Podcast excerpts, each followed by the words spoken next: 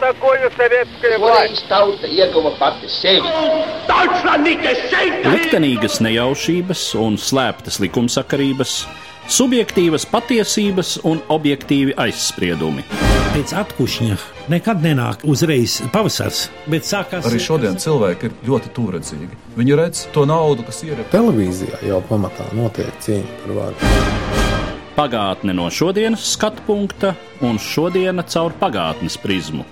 Raidījumā šīs dienas acīm. Latvijas radio eterā Eduards Liniņš. Labdien, cienījamie klausītāji! Šajās dienās paiet 25 gadi kopš notikumiem, kas Latvijas vēsturē ieguvuši barikāžu laika apzīmējumu. Tam veltīta arī Zinātņu akadēmijas rīkota konference Barikādes pilsoniskā pretestība prettautiskai varai un tās mācības. Un uh, mani sarunbiedri šodienas studijā ir trīs vēsturnieki un trīs šīs konferences referenti. Una Bergmane, labdien! Labdien! Kristīna Beķere, labdien! Labdien! Un Edgars Engīzers. Labdien! Jūsu uzstāšanās konferencē ir apvienotas līdz ar vairākiem citiem priekšlasījumiem plašā sadaļā ar kopējo nosaukumu Jauno pētnieku vērtējums barikāžu laikam. Un līdz ar to mans pirmais jautājums mazliet personisks. Cik jums bija gadu barikāžu laikā un kā jūsu personiskais priekšstats pirms jūs sākāt veidot priekšstatu par šiem notikumiem kā vēsturnieki, kā tas radās, no kādiem iespaidiem Un. Es patiesībā barikāžu laiku atceros, lai gan man bija seši gadi. Bet man īstenībā vecāki diezgan daudz ko tajā laikā stāstīja par politiku. Un man bija arī tāda nozīmīga, kas atbalsta tautas fronti. Vecāki gribēja man sūtīt uz laukiem, lai es nebūtu Rīgā, ja ne kaut kas notiek. Bet 13. janvārī, kad bija tā lielā demonstrācija, tad es piedalījos, to es atceros. Pēc tam, jā, es tiku aizsūtīta uz laukiem, un tad es vienkārši skatījos ziņas un uztraucos par to, kas notiek Rīgā un kas ar vecākiem. Kā jau visi bērni, kas ir auguši 90. gados, es augu ar tiem stāstiem par barikāžu ugunskuriem, par cilvēkiem, kas palīdzēja barikāžu aizstāvjiem, kas nes viņiem siltu ēdienu, par cilvēkiem, kas gāja bojā barikāžu laikā. Tā mana pētniecība ir par to jautājumu, kas man vienmēr interesē kā bērnu. Kas tad notika ārzemēs tajā laikā? Ko teica citas valstis? Kad Latvijā, Lietuvā un kaut kādā mērā arī Igaunijā bija šis apdraudējums, kas notika Eiropā, kas notika ASV.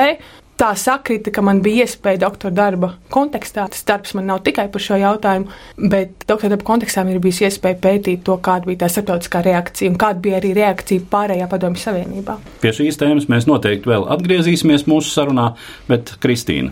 Jā, man laikam gluži otrādi. Man arī bija tolaik seši gadi, un man nav pilnīgi nekāda atmiņa ne par šo laiku, ne arī īsti mums tā ģimenē bija pieņemts runāt par politiku vispār un par tiem notikumiem. Es pēc tam esmu prasījusi vecākiem, un uh, mamma ir stāstījusi, ka es tolaik biju barikāžu laikā ļoti slima, un acīm redzot, varbūt tāpēc ne man, ne arī, attiecīgi, mammai nebija iespējas tur piedalīties, jo viņi te tauklēja man mājās, bet tā nopietnāk ar visu barikāžu un atmodas vēstures tēmu saskāros jau skolā, un tās atmiņas, kas man ir par to, ir jau no diezgan vēla laika, no vidusskolas, 11. un 12. klases, kad tas man pēkšņi kļuva interesanti un varbūt pat kā zināms pārsteigums. Kas attiec uz manu pētījumu tēmu, tad atkal tāpat kā UNē tās nav tikai barikādas, tāpat kā barikādas ir tikai viena epizode visā atmodas laikā, tā arī, ko trimdas latvieši darīja barikāžu laikā, ir arī tikai viena epizode visā plašajā trimdas darbībā un šādā veidā pie šīs epizodes arī es esmu nonākusi.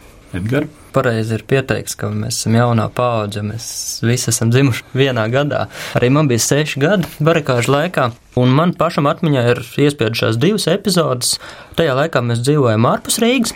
Tēvs brauca uz barikādēm, un pirmā epizode bija, nepateikšu, kurā datumā, 15. un 16. janvārs varētu būt, kad uz barikādēm izdalīta tā saucamās tautas gāzmaskas ar ogļu filtru, ko Padomju Savienībā uzglabāja lielos daudzumos iespējamu kodolkāru gadījumam. 60. gadu tehnoloģija, bet katrā ziņā bija skaidrs, ka tāds gāzu uzbrukums no militāra taktiskā viedokļa bija diezgan bezjēdzīgs. Un tie, kas bija dienējuši bruņotajos spēkos, padomju armijā, tie diezgan labi sapratu un apzinājās arī barikāžu lomu kā tādu. Un mans tēvs, kā padomju armijas izbijis tankists, labi saprast šo gāzmasku pielietojamības jēgu šajā pasākumā, un tad viņš visu to barikāžu laiku nostāvēja mājās uz klavierēm, man ko spēlēties. Neteiksim, ka tā bija tāda mīļākā rotaļlieta tajā laikā, jo tas stress jau visu laiku arī bija. Un otra epizode, kas varbūt tās ir vēl spilgtākā atmiņā, ir, kā es tagad izreikināju tieši no 20. janvāra, tad, kad tēvs bija uz barikādēm prom un naktī pārtraukst visu sākari.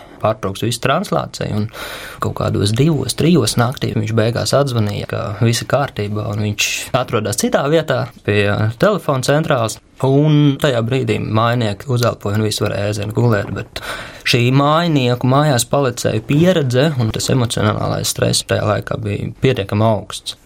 Sākot konkrēti runāt par barikādēm, tā nav īsti nevienam no jums jūsu pētījuma pamattēma, bet droši vien tas priekšstats jau ir veidojies. Ja jums būtu jāatbild uz jautājumu, kāpēc tieši tajā brīdī un tieši tādā veidā samilza šī konfrontācija starp Padomju Savienības centrālo varu un baltiešiem, kuri tiecās šeit atjaunot savu valstiskumu. Tas, man liekas, ir jāskatās tādā vispārējo padomju savienības sabrukuma kontekstā un Gorbačova mēģinājumos balansēt starp sadarbību ar konservatīviem komunistiem, tiem radikāļiem, kas vēlējās saglabāt padomju savienību tādā ļoti radikālā veidā, izmantojot spēku, un tiem demokrātiskajiem spēkiem, kur centrā bija Jēlcins. Un tie demokrātiskie Krievijas spēki arī bija Baltijas sabiedrotiem. Un kādēļ tieši nonāca līdz tam, ka janvārī tomēr notika tie spēku izmantošanas mēģinājumi pret Baltijas neatkarības kustībām. Tas sākums ir meklējums 90. gada rudenī, ko historiografijā sauc par Gorbačova pagriešanos pa labi, kad viņš pievērsās vairāk konservatīviem spēkiem, armijā, partijā. Tie konservatīvie spēki uz viņu visu laiku bija izdarījuši spiedienu. Ir dažādi viedokļi par to, kādēļ tieši viņš tajā rudenī nolēma, ka viņam ir jāmēģina vairāk sadarboties ar šiem spēkiem priekšlietu ministru Pugo, kas Baltiešiem bija labi pazīstams. Un konservatīvi spēki aizvien vairāk tika iekļauti tuvākajā valdības lokā, un savukārt tie demokrātiskie spēki, liberālais lokus, Jakoļievs un citi, viņi tika vairāk atstumti. Jā, un šeit var nāc, kurš atkāpās, un viņi tika atstumti no tuvākā Gorbačova loka. Un tas lēmums, kādēļ Gorbačovs izlēma kaut ko tādu darīt, tie viedokļi ļoti dažādi. Vai tas bija tāpēc, ka viņš pats uztraucās par spēju saglabāt savu varu un savu vietu šajā padomju savienības prezidenta amatā, vai tas notika tādēļ, ka tas bija tas pēdējais mēģinājums saglabāt padomju savienību? Jo viņš jūta, ka Baltijas neatkarības kustība, viņš sāk zaudēt kontroli par to. Cik man ir tas priekšstats par Gorbačovu, tad arī viņš pats visu laiku, kuru viņš bija Padomju Savienības priekšgalā, tomēr nepieļāva domu, ka šī valsts drīkstētu sabrukt. Acīm redzot, Tajā brīdī viņš saprata, ka process Baltijā ir neapturams ar pārliecināšanu, jo, cik es saprotu, tad ļoti ilgi Gorbačovs centās pārliecināt. Sākās ar notikumiem Viļņā, ar uzbrukumu Viļņas televīzijas centram un tā ieņemšanu, kur bija cilvēku upuri, kur bija nepārprotama bruņota spēka lietošana. Kāds ir viedoklis un kāds ir priekšstats šobrīd historiografijā? Vai Gorbačovs zināja un vai Gorbačovs sankcionēja kaujas ieroču lietošanu pret neapbruņotiem civilistiem. Historiografijā tie viedokļi ļoti dažādi. Un tā galvenā problēma ir tāda, ka mums nav pieejami šobrīd avoti, arhīvi, kuri mums ļautu skaidri atbildēt uz šo jautājumu. Līdz ar to viss, ko var teikt es vai kāds cits vēsturnieks, ir vairāk tādas spekulācijas un mūsu priekšstati par to, kas varēja būt bijis un kas nenotika. Iespējams, tā patiesā atbilde par to, cik daudz Gorbačovs zināja par šo spēku lietošanu un par gatavošanos spēku lietošanai, varbūt mēs to nekad neuzzināsim ja šīs pavēles tik dotas mutiski. Jo ļoti iespējams, nekas tik rakstīts, pavēles netika dotas, vai arī šie dokumenti varbūt jau ir iznīcināti. Ir vēsturnieki, kuri ļoti augstu vērtē Gorbačova lomu vispār augstākā kara beigās, kur uzskata, ka tā viņa retorika par to, ka spēks nav pielietojams Austrumēropā, un tā viņa pretestības spēka lietošana, viņi to uzskata kā tādu pierādījumu tam, ka viņš nebūtu varējis dot pavēli izmantot spēku Baltijā. Un ka to ir darījuši citi cilvēki, iekšlietu ministrijā, kā jūs teicat, Baltijas kara apgabals varbūt. Vairāk gan tā doma ir, ka tie lēmumi tika pieņemti Maskavā. Nevis šeit uz vietas. Tad ir vēsturnieki, kuri tieši pretēji uzskata, ka Gorbačovs visu laiku zināja, kas tiek gatavots. Jautājums par to, cik lielā mērā viņš pats deva pavēli gatavot šo spēku lietošanu Baltijā bet viņš to zināja, un tas viņa uzskats varbūt ir bijis tāds, ka viņš pastīsies, kas notiek. Ja tā spēka lietošana ir veiksmīga, tad viņš to atbalstīs simtprocentīgi, un, ja viņa nav veiksmīga, tad kā arī tas notiek, viņš beigās attālināsies no šī lēmuma. Un tad vēl pastāv tāds viedoklis, ka nav jau tik svarīgi, vai viņš tieši pats deva to pabēli, vai viņš viņu nedeva, bet viņš pieļāva to, ka tiek radīti apstākļi Baltijā, kurā šī spēka lietošana ir pieļaujama. Visas tās attiecības, tas saspringums radās jau novembra beigās, decembrī. Viņš pieļāva, viņš pats izmantoja šo ļoti aso retoriku pret Baltijas valstīm. Viņš atļāva to, ka tiek ievesti papildu spēki Baltijā janvāra sākumā. Un, protams, mums ir jāatcerās arī tas, ka tajā brīdī, kad notika šie spēki, pielietošana. Tas ir laiks, kad sākās Pirmais līdz karš un tā sakritība ir ļoti interesanta, jo, kā mēs zinām, jau 56. gadā Padomju Savienība izmantoja Suecas krīzi, lai veiktu pārkārtojumus sev vajadzīgus Austrumē. Respektīvi, apspiest Ungārijas centienus saraut saites ar Padomju Savienību un pārtraukt šo padomju satelītu valsts statusu.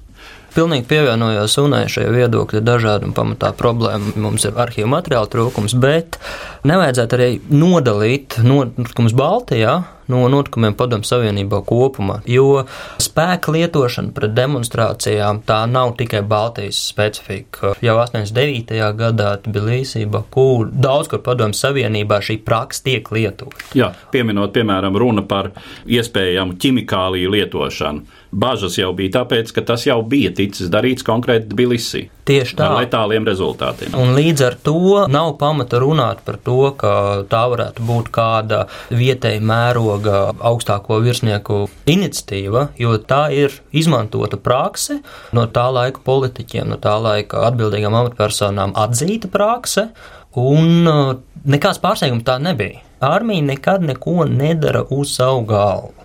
Sevišķi padomu savienībā, kur šīs galvas var ripot ļoti viegli. Un tas, ka mēs šobrīd domājam drusku citās kategorijās, tas mums drusku apgrūtina arī šo skaidrošanas darbu. Jo padomu savienībā vārds vertikāli ir ļoti spēcīga.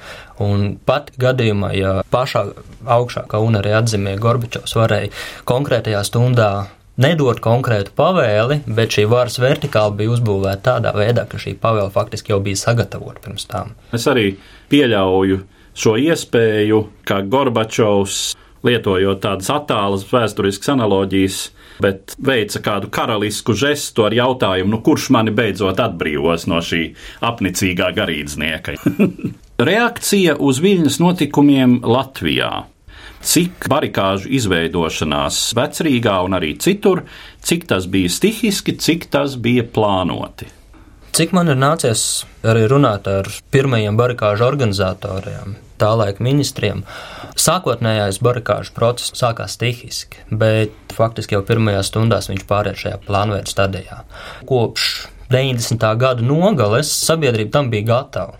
Tad, kad parādījās pirmās ziņas par iespējamu prezidenta pārvaldes nodibināšanu vardarbīgā iespējams veidā, tad, kad parādījās pirmie mēģinājumi veikt piespiedu mobilizāciju, nodrošināt iesaukumu tā skaitā piespiedu veidā, kas parādīja, ka ir ļoti asa konfrontācija un ir iespējams, tā skaitā arī vardarbīgs konflikts.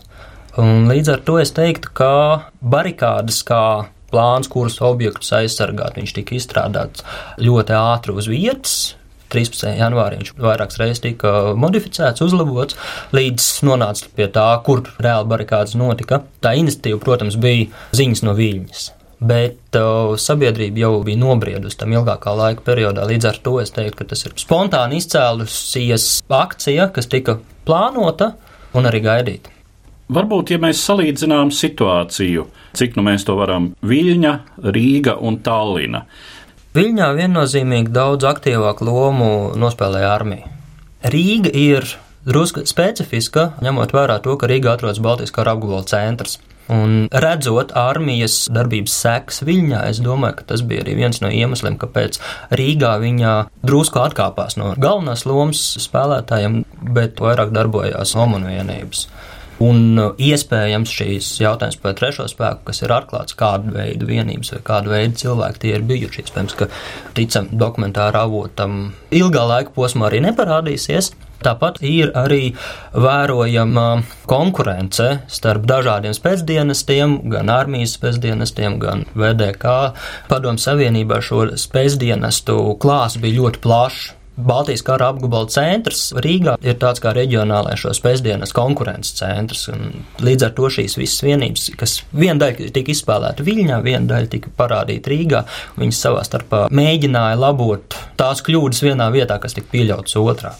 Ja mēs runājam par informācijas izplatīšanu un informācijas apriti, ievērojot jau pieminēto Gorbačovu starptautisku politisko pozīciju, kurā viņam bija nepieciešams saglabāt demokrātiska, civilizēta līdera tēlu, tad, eh, protams, informācija par to, kas notiek, un šīs informācijas operatīva nodošana rietumu un vispār ārpus Padomju Savienības plašsaziņas līdzekļiem. Informācijas plūsma veidojās pa vairākiem ceļiem.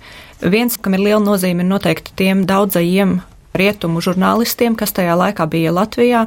Par to skaitu joprojām strīdās, min no 200 līdz pat nereāliem skaitļiem 800 gandrīz.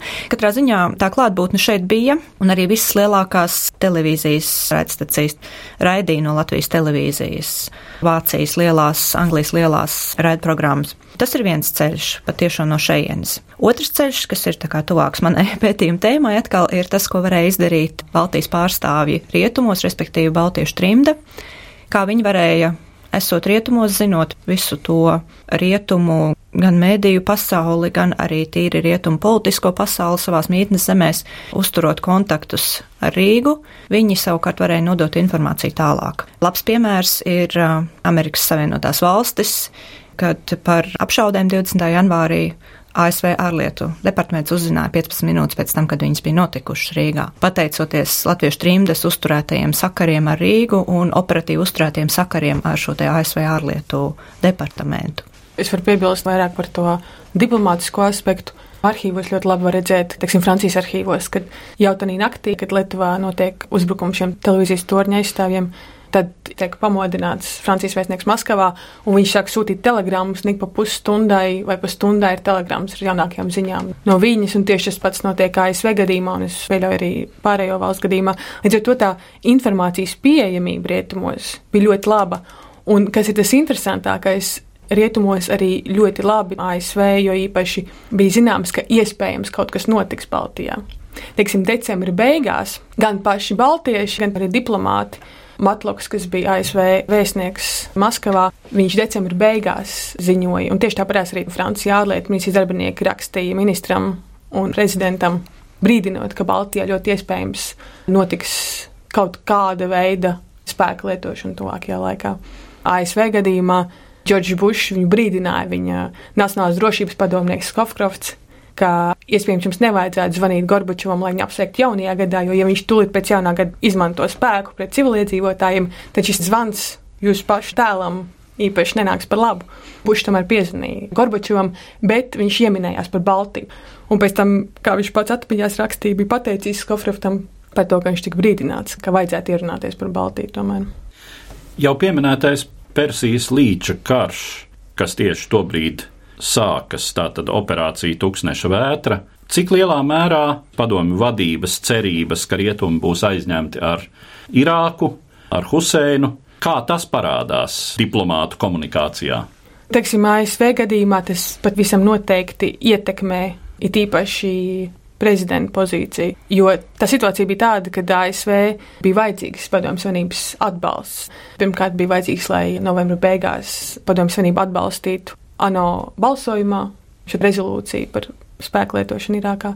Tās spekulācijas par to, ka ASV apsolīja, ka Padomju Savienība atbalstīs Persijas līčkaru, ka viņi neko nedarīs, ja tiks izmantot spēks Baltijā. Tam nav pilnīgi nekāda apstiprinājuma. Es nekur neesmu nec arhīvos, nec intervijās ar tā laika notikumu dalībniekiem atradusi. Bet šajā laikā, protams, es kaut kādā veidā ietekmēju to ASV pozīciju. Īpaši laikā pēc 13. janvāra arhīvos var redzēt to, ka 20. janvāris pēc tam, kad Rīgā tiek pielietots spēks, Tas ir tāds šoka moments priekš ASV administrācijas un priekš Nacionālās drošības padomus un priekš Kondlīs Raisas, kas ir tieši atbildīgi par padomju savienības jautājumiem Buša administrācijā tajā laikā, kur saprot, ka līdz ar to tas nozīmē, ka spēku pielietošana Baltijā viņā tas nav izņēmums. Un tas svarīgākais, kas interesē tajā laikā rietums, tas varbūt nav tik daudz, kas notiks ar Baltijas valstīm, bet kas notiek ar padomju savienību un kas notiek ar Gorbačovu. Un šis jautājums, ko ļoti bieži uzdod presse, un ko es esmu redzējis arī dažādās analīzēs, gan Francijas ārlietu ministrijas, gan Kontlīdas Raisas rakstītajās ASV, par to, vai šis ir perestroikas beigas, vai spēku pielietošana Baltijā nozīmē, ka perestroika ir beigusies, un ko mēs tagad darīsim, jo tas nozīmē, ka Tas atbalsts Gorbačovam, viņš vairs nedod to, ko mēs esam gaidījuši. Jo atbalsts Gorbačovam nozīmē atbalstu reformām Padomju Savienībā un starptautiskām reformām. Un, un vai tas tā turpināsies, un kā tagad adaptēties šajā jaunajā situācijā? Kā rietumos veidojas tas kopējais uz barikādēm esošo baltiešu tēls? Un cik lielā mērā īstenojas kādi savukārt Maskavas administrācijas mēģinājumi to traktēt kā radikālu ekstrēmistu akcijas, pierakstīt spēka lietošanu, kā mēs zinām par viļņu, ir šie apgalvojumi, kā ne jau mēs, bet uz mums šāva. Kāds tajā brīdī izveidojas šis priekšstats par to, kas tad notiek Baltijā? Tas, ko esmu lasījusi tā laika presē, Francijas, un ASV un Skandināvijā, un arī kas parādās ziņojumos no vēstniecībām, tas skatījums uz tiem Baltijas barikāžu aizstāvjiem ir ļoti pozitīvs tas tēls, sākot no Baltijas ceļa laika, ir pozitīvs. Bet vienmēr ir šis jautājums, vai tas nav tāds sāsnāts nacionālisms, kas notiks ar krievu valodīgajiem. Bet janvārī ir tāds pavērsienu punkts, ka tā attieksme kļūst pilnībā pozitīva. Un tas ir ārkārtīgi interesanti, ka es rietumu presē, izņemot, teiksim, Franču Humanitē, kas ir komunistu laikraksts, es neesmu atradusi tādus apgalvojums, kas sakrist ar to, ko Kremlis sākumā mēģināja skaidrot, ka tā ir Baltiešu pašvaina, ka viņi to ir provocējuši. Tāda interesanta detaļa. Viens no franču diplomātiem, kas tajā laikā bija Maskavā, viņš ļoti bieži savās telegramās runāja par baltiešu nacionālistiem. Un franču valodā, visā franču politiskajā kultūrā, nacionālismam šim vārdam ir tāda negatīva konotācija. Un tad, kad viņš rakstīja janvārī barikāžu laikā, tad viņš vairs nerunā par baltiešu nacionālistiem, bet par baltiešu patriotiem kas jau uzreiz franču valodā izklausās daudz pozitīvāk. Un katrā ziņā viens no iemesliem, kādēļ viss tā attieksme ir tik pozitīva, ir arī tas, ka barikādas kā tādas ir brīnišķīgs simbols. Tas ir uh, simbols, kas nepārprotam norāda, ka cilvēki gatavojas aizstāvēties, nevis kādam uzbrukt. Un tas varbūt nav pat uh, mazsvarīgi veidojot šo pozitīvo publisko tēlu. Es vairāk skatījos britu un amerikāņu avīzes kā sabiedriskās domas veidotāji. Lielākā daļa no avotiem ir tieši baltiešu izcelsmes avoti. Ir ļoti neliels skaits, kad parādās Baltijas kara apgabala vadības viedoklis vai oficiālais kompartijas viedoklis. Un liela daļa no avotiem, ko pasniedz tā laika prese, ir barikāžu aizstāvju viedoklis. Un, ja es vēl varētu piebilst, mums arī būtu būtiski ļoti mēģināt par barikādēm domāt starptautiskā kontekstā, skatoties, un to mēs ļoti bieži aizmirstam, kur bija Latvijas sabiedrotie, ka Krievijas demokrātisko spēku vidū Baltijas valstīm bija ļoti liels atbalsts. Viena no lielākajām perestroikas laika demonstrācijām notika janvāra beigās, vēršoties pret Gorbačova mēģinājumiem lietot spēku. Un tur piedalījās tūkstošiem, simt tūkstoši cilvēku, kas vienkārši mūsdienu ļoti sarežģīto attiecību ar Krieviju bieži vien tiek aizmirsts, ka šī vēsture attiecības vienā konkrētā brīdī, neatkarības laikā, attiecības ar šiem Krievijas demokrātiskiem spēkiem bija daudz savādākas nekā šobrīd mums ir ar Putina režīmu. Ļoti būtiski piezīme. Paldies! Par laimi neīstenojas tās bažas, kuras piedzīvoja jūsu vecāki un kuras piedzīvoja arī es, protams, atrodoties toreiz šeit, un nekāds masveidīgs uzbrukums. Nekāda militāra operācija šeit nenotiek. Nenotiek arī kādas sadursmes, kā es tagad arī atceros, tā nervozitāte savu kulmināciju sasniedza, kad Interfronte sarīko savu mītiņu. Tas ir stadions, kas atrodas Krišāņa baronielā, Un tā tad ir lielas bažas, ka šī masa dosies noskaidrot attiecības ar barikāžu sargātājiem vecrīgā. Bet tomēr tā masa tur pēc ļoti karavīgiem uzsaukumiem tā ātri izšķīst un kā jokoja uz barikādēm, tobrīd aizgāja mājās skatīties kārtējo meksikāņu seriālu, kuram ir uh, jauna sērija tajā brīdī. Dons Alfredo bija interesantāks nekā Alfrēds Rubiks šiem ļaudīm. Lai arī ir pēc tam vēl 20. janvārs ar uzbrukumu iekšlietu ministrijai, kur arī ir visnopietnākie upuri, tad tomēr barikāžu aizstāvi var justies uzvarējuši. Tagad, skatoties no laika distances un vērtējot varbūt jūsu gadījumā, bez tās neizbēgamās emocionālās pieskaņas, izjūtas, kas ir tiešiem notikumu dalībniekiem, cik lielā mērā tā ir uzvara? Es domāju, ka tā uzvara ir būtiska. Un tur nav runa par emocijām, bet arī ar skaidru prātu, analizējot tos vēstures notikumus. Tā uzvara ir būtiska, un iespējams, ka mums vēl nav pietiekoši daudz to um, vēstures avotu, lai saprastu, cik tieši viņi ir nozīmīgi. Tas nav tikai jautājums par Baltiju, kas ir svarīgs teiksim, mums, bet tas ir jautājums par Padomju Savienību. Ja šie konservatīvie spēki būtu varējuši realizēt to, ko viņi bija iecerējuši Baltijā, varbūt viņi tikai pamēģināja, cik tālu viņi var iet. Varbūt viņiem bija plāns kaut kam lielākam, kas sāktos Baltijā un turpinātos pārējā padomju savienībā. Tas bija kā mēģinājums Augustu pučam. Ja šiem konservatīviem spēkiem tas būtu izdevies, tad padomju savienības sabrukums, vai tieši varbūt nesabrukšana, tas viss varēja pavērsties savādāk. Ir ļoti liela nozīme šiem barikāžu aizstāvjiem. Tādēļ, ka Gorbačovam viņa starptautiskā tēla dēļ viņš vienkārši nevarēja pieļaut to, ka Rietumēropas žurnālistu acu priekšā un Rietumēropas politiķu acu priekšā, tādēļ, ka tajā laikā ieradās Baltijā Lietuvā viņa polijas parlamentāri šajās parlamentā. Bija arī Islandes ārlietu ministrs, kas pēc tam ieradās Baltijā, ka viņu acu priekšā tiek nogalināti civiliedzīvotāji. Tieši šīs barikādes, šī civiliedzīvotāja gatavība uz viņām arī palikt, pat ja notiek šis uzbrukums, ka tas bija ļoti būtisks elements, kas mainīja visu to notikumu gaitu. Bija spiediens no rietumu valstīm, teiksim, ASV prezidents ļoti skaidri jaunajam padomju savienības ārlietu ministram teica, ja šīs spiediens Baltijā turpinās un militāro papildus spēku klātbūtni viņi arī turpinās, tad ASV nevarēs sniegt to ekonomisko palīdzību, ko viņi būtu gribējusi. Un Bušs to ļoti skatīts, ka kongress nekādā gadījumā neatbalstīs. Pat ja prezidents mēģinātu šo ekonomisko palīdzību turpināt sniegt, tad kongress to neatbalstīs. Un, teiksim, Kanāda arī apturēja daļu no savas ekonomiskās palīdzības Padomju Savienībai. Es arī gribēju izcelt tieši to, ka barikādas Rīgā un notikumi Baltijā kā tādi ir neatņemama Padomju Savienības sabrukuma sastāvdaļa. Un, ja šie notikumi būtu norisinājušies savādāk, tad arī šis sabrukums būtu norisinājies savādāk. Jo otra daļa no šī barikāžu laika rezultātu lomas ir tieši Baltijas tautu, pirmkārt, neatkarības apziņa, otrkārt arī rietumu orientācija un demokrātisko vērtību izcelšana kas varbūt ir daudz ilgstošāks seks nekā tikai Padomju Savienības sabrukums. Un nu, gal galā arī šī Latvijas tautas vienotība, kas barikādēs parādās un iedod ļoti būtiski impulsi arī turpmākajām savstarpējām attiecībām starp dažādām etniskajām grupām Baltijā, kas iet šo rietumu demokrātisko attiecību modeli turpmākajos gados un faktiski. Es teiktu, ka tās sabiedrības uh, modelis, tā pārvaldes iekārta, kas mums ir šobrīd, vai kādam viņa patīk, vai kādam nepatīk, ir tieši barikāžu sasniegumu vai šīs nosacītās uzvaras rezultāts. Un, ja tā pavisam plaši un bez emocijām, tad barikādas ir arī viens konfliktu risināšanas iespējamu variantu piemērs. Tātad nevardarbīgas pretošanās formas, piemērs veiksmīgs nevardarbīgas pretošanās formas, kas lieliski demonstrē tieši to, ka ne jau tās barikādes kā fizisks šķērslis, bet tas, ka uz viņām atrodas neapbruņoti cilvēki, tas spēj kaut kādā veidā ietekmēt situāciju, varbūt neļaut pieņemt kaut kādus lēmumus, kas citādi tiktu pieņemti.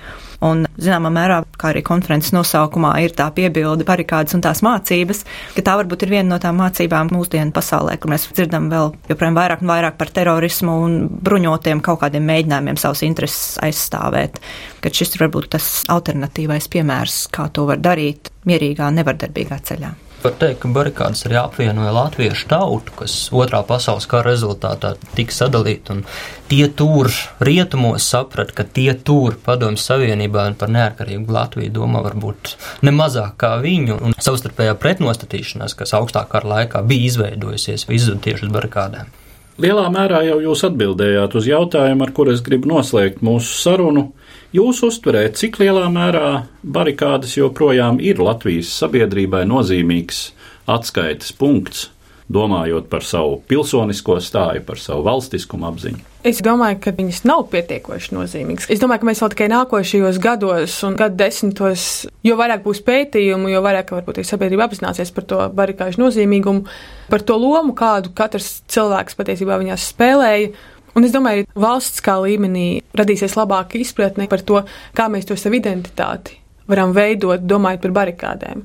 Runājot nelielās paralēlēs, Pirmkārt, barikāžu laika ir jāsaist kopā ar neatkarības atjaunošanas procesu kopumā. Bet, ja mēs runājam par to lomu, to nozīmīgu, man gribās salīdzināt ar brīvības ziņām 19. un 20. gadā, kas ir tieši tāpat saistīts ar valsts proklamēšanu 18. novembrī. Nepietiek valstī proklamēt, nepietiek izdot deklarāciju par valstiskumu atjaunošanu, ka ir šis diezgan sāpīgais, sarežģītais process, kad tas tiek nostiprināts gan starptautiski, gan nostiprināts arī iekšpolitiski pašā sabiedrībā. Un es teiktu, ka barikāžu loma varbūt ir jo svarīgāk tieši sabiedrībā nostiprināt to, kas tad ir šī Latvijas republika, jo divvaldības periodā viņi varēja arī izveidoties ļoti dažādi. Es piekritīšu Unai, ka mēs vēl varbūt nepietiekami sabiedrībā apzināmies tiešām to barikāžu lomu un varbūt arī nepietiekami ikdienas tādās problēmās un valsts pārvaldes trūkumos nepietiekam novērtējam neatkarības atjaunošanas